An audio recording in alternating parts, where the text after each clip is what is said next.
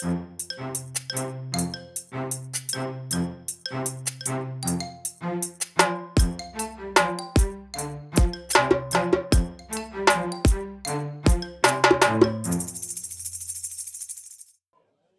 välkomna tillbaka till Stacken. Jag, Daniel Gustafsson och Kim Hindart. Hubba. Idag Kim sitter vi i en jätteannorlunda miljö. Vi har massa folk runt omkring oss. Vi har ett event här i eh, bygget som heter Paraply och eh, Office Crawl, så att det är inte bara du och jag, det finns en publik i närheten också. Jag vet inte om de lyssnar, men det får vi se. Ja, idag i alla fall så tänkte vi snacka lite grann om våran eh, presentation som vi brukar köra normalt sett som handlar om eh, Security by frukostfralla kallar vi den för. Vad är det för någonting Kim? Vad hade vi tänkt snacka om idag? Säkert beteende. Och det intressanta i sammanhanget är ju lite grann vad är det som är katastrofalt säkerhetsbrist? Om vi tittar bara här i Sverige. Det är ju inte malicious insiders. Har du någon form av grundläggande hygien på din informationssäkerhet som till exempel brandväggar, då är det inte heller yttre hot. Nej. Utan det är human errors, mänskliga fel. Mm. Vi brukar kalla dem för OPSIS. Precis. En Op- väldigt teknisk term som kallas för Ja, OPSIS. precis. Och det är OPSIS som kommer att lida enorm skada, som kommer att vara det som är katastrofalt. Mm. Eh, och det så ser vi överallt. Så då är frågan, vad är risken för en OPSI? Vad är det som kan orsaka risken? Var kommer de ifrån? Det vill säga, vi slarvar som människor. Om man undrar, är det någon som någon gång har liksom glömt nycklarna i ytterdörren någon gång, sen gått in? Det är ju en viss säkerhetsbrist och det är en typisk sån där OPSI som man kan relatera till. Och då frågar man sig om jag sitter i en bil och kör. Jag är ganska normal, erfaren bilförare. Försöker köra säkert. Inte vara för push i trafiken, försöker hålla det för att undvika att folk blir skadade i trafiken. Så man kan betrakta sig som en säker bilförare. Säg nu att jag bestämmer mig för att åka men så känner jag att oj vad kissnödig jag är. Mm. Åh vad jag känner att jag måste gå på toaletten. Men jag tittar på klockan och tittar på vad jag är och tänker det är ju bara en halvtimme hem. Jag håller mig. Men sista kvarten bara ligger paniken där över att måste gå på toaletten. Då är min fundering, tror någon att man är en säkrare bilförare i det här läget? Än om man inte hade haft varit kissnödig? Precis. distrahering kan göra en ganska osäker som bilförare. Det finns en anledning till varför man till och med har förbjudit mobiler under bilfärd. Mm. För att du blir ganska distraherad om du sitter och fipplar med någon sån under bilfärd. Då är det tveklöst så, du blir mindre säker. Mm. Ja, samma bilförare, samma normalt väldigt säkra individ. Kör och har kört en lång, lång sträcka. Och så börjar de bli riktigt trött, ögonen hänger, man nickar av till av och till så här. Av, av, av. Och då är nästa fråga. Är det någon som verkligen tror att man är säkrare bilförare då? Förmodligen inte. trött, utmattad. Ja. Nästa scenario. Man sitter där, hamnar i en jättekö och så har man ett galet viktigt möte man ska till. Det är någonting man bara absolut inte får missa. Tittar, ingen täckning mobilen, kan inte höra av sig någonstans. Sitter i bilkön och så vet man att nu börjar mötet bara naga in på tiden. Och så till slut släpper det och man trycker på gasen och swishar iväg. Är man bättre, säkrare bilförare då eller kommer man att ta mer risker än vad man normalt gör? Förmodligen kommer man göra det. Det här är ganska obvious grejer. Jätte. Men stress, trött och distraherad. Mm. Dåligt tillstånd att köra bil. Och då kan man undra, är det ett så bra tillstånd att konfigurera brandväggar möjligtvis? då? Precis. Men vi lever i en bransch som premierar jättemycket att göra. Mm. Väldigt många saker samtidigt. Ja. Och gärna att du har sovsäck på jobbet. Killen med åtta skärmar är jätteduktig. Mm. Som sover över på jobbet, först in, sist ut. Mm. Och gör massor på samma gång. Men är han verkligen det då? Egentligen. Det som är sant är ju det faktum att om vi kommer till jobbet stressad, kommer vi till jobbet trött Och det här kan vi bara tänka efter. Du vaknar på morgonen, ungarna ska till skolan och du ska komma till väg till jobbet och så stormar vi in och så kommer vi in till jobbet. Vilket tillstånd är vi då? Jo, vi är i ett tillstånd där det finns en stor, stor risk att jag har mitt fokus någon annanstans. Och när vi har fokus någon annanstans är det en stor risk att vi gör fel. Upsis, vår tekniska term, upsis. Vad får du ut för loggar ifrån verksamheten varje dag? Du får ut tekniska loggar, eller hur? Våra brandväggar ger massa fina loggar. Mm -mm. Jag, så jag kan få hur mycket bra rapporter om infrastrukturen var som helst. Men hur relevant är den i förhållande till hur mår personalen? Mm. Så hur får jag en rapport om hur mår personalen varje dag? Jo, då finns ett koncept man kan göra. Det kallas för morgon daglig check-in. Det vill säga det första vi gör när vi kommer till jobbet det är att vi sätter oss i vårt team. Vi som jobbar närmast varandra, det behöver inte vara hela företaget, utan vi fem, sex, sju, tio personer som är det team som vi jobbar ihop med träffas varje morgon och tar 15 minuter av vår dag och berättar hur mår jag idag? Och då måste man vara ärlig och säga jag har en bra dag eller jag har en sisådär dag eller till och med kanske en riktigt dålig dag. Och då räcker det heller inte med att säga ja, det är okej okay, eller det är dåligt, ja, det, det är sådär. Utan du måste också berätta varför har jag en bra dag eller en dålig dag. Meningen med det är att du ska kunna berätta själv inför gruppen hur din dag är. På så sätt så får dina gruppmedlemmar också veta hur du mår idag. Och nu kan vi bara få koll på om du verkligen ska pilla i brandväggen eller inte den morgonen. Eller så är du jätteglad, du har haft en fantastisk dag och på så sätt så kanske du kan sprida mer utav lite positiv energi och du delar med dig till ditt team som faktiskt lyfter någon som kanske har en lite sämre dag. Sen hör vi ju många team som säger men vi är scrummiga så vi har en daglig stand-up. Just.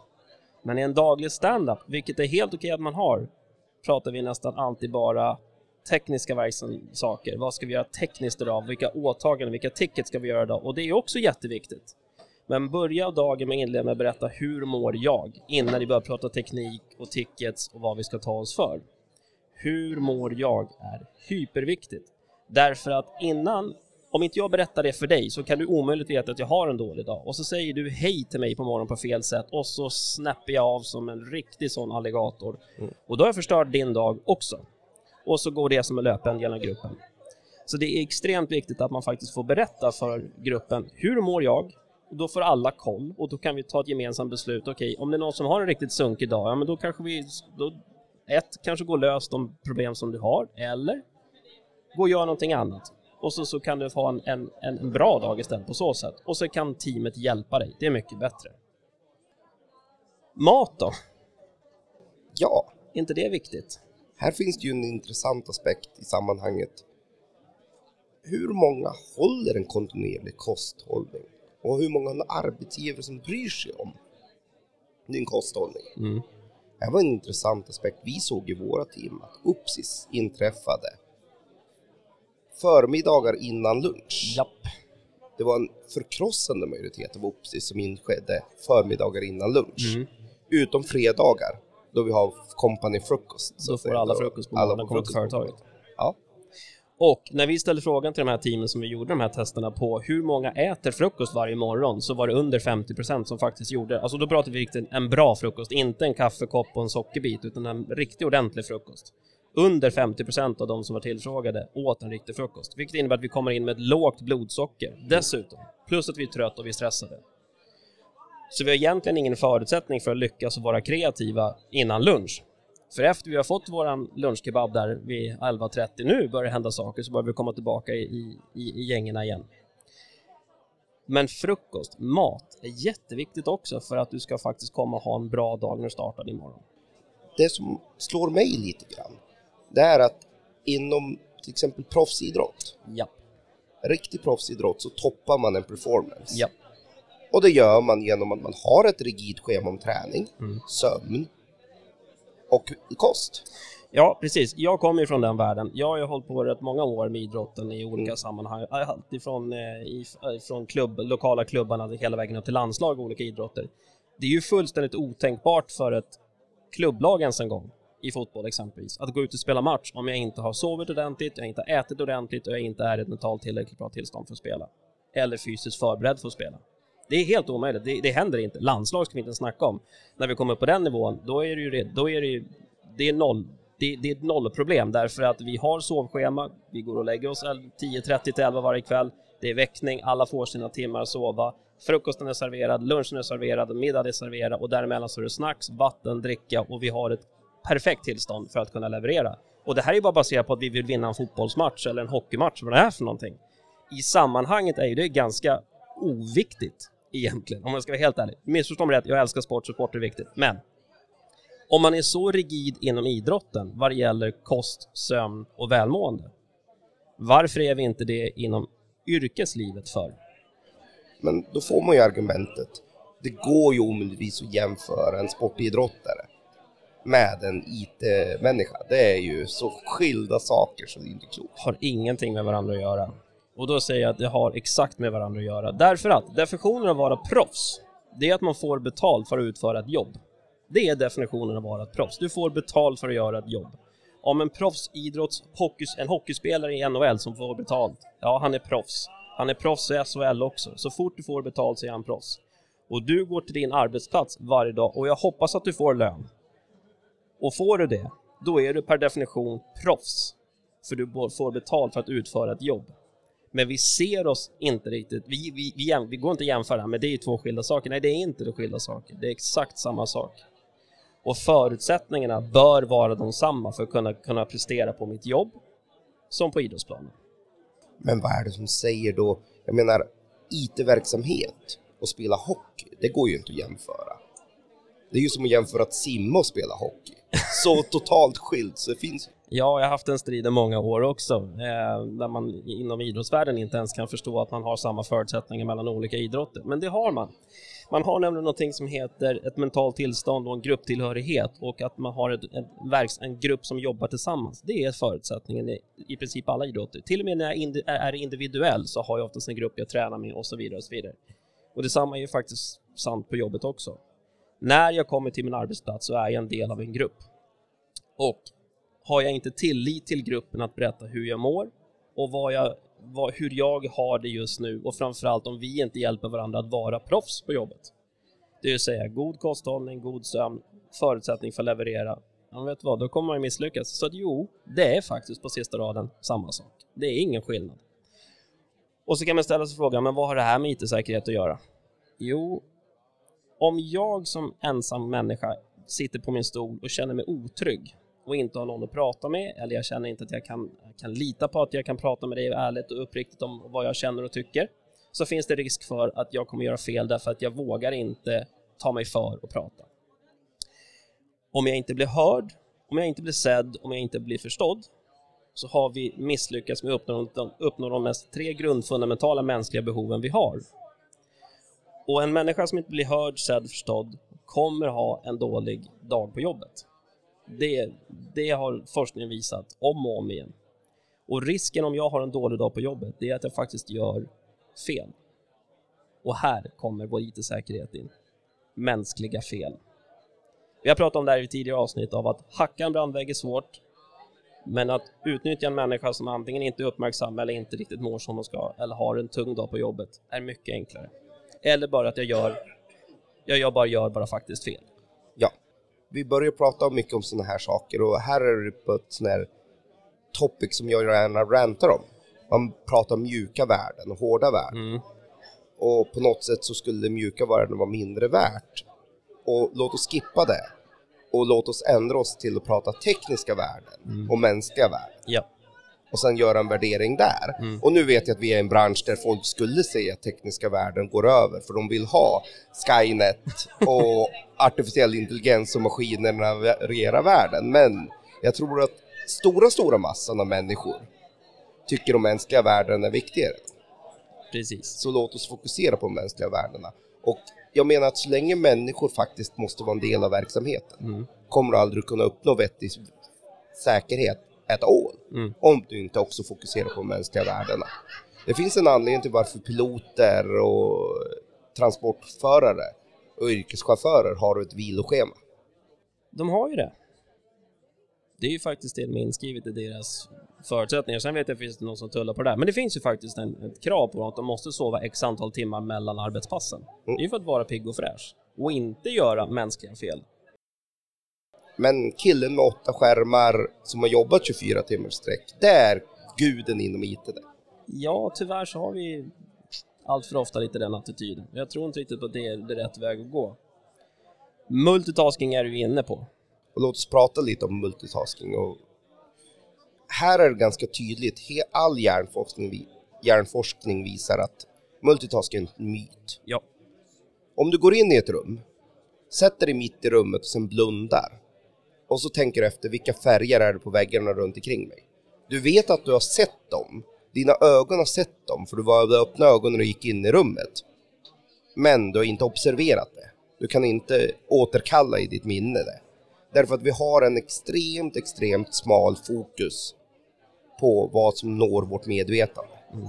Vi registrerar extremt mycket med våra sinnen, men det är bara en liten, liten, liten del som når vårt medvetande. Och vi kan bara ha den här lilla laserfokusen på ett ställe i taget, alltid. När man är multitasker, då är man snabb på att skifta den här fram och tillbaka. Men shit vad det krävs energi, shit vad det krävs kontinuitet. Och här blir det extrema problemet då. Att säga att jag har sex stycken hög prio-grejer som alla mentalt är lika viktiga för mig.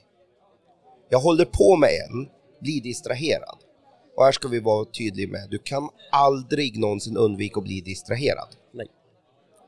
Inte ens om jag sätter mig i en sensory, sensory deprivation tank, i en stor floating tank och stänger av hela världen, kommer mitt egen mentala sinne att distrahera mig till slut. Så du kommer alltid att bli distraherad, så låt oss börja mm med det. Du kan aldrig bli icke-distraherad. Nej. Så i en värld full av distraktioner så är det bara, ja, vad händer då om jag blir distraherad med min task jag håller på med? Och jag har sex stycken lika viktiga i mitt huvud. Det är enormt stor sannolikhet att du går och börjar på en annan upptask istället. Ja. Och här är vi i det säkerhetsmässiga farligaste zonen någonsin för att lämna någonting halvfärdigt. 80% klart ja. Mentalt så tror du att du har gjort det. Ja. Mentalt så har du checkat bort den.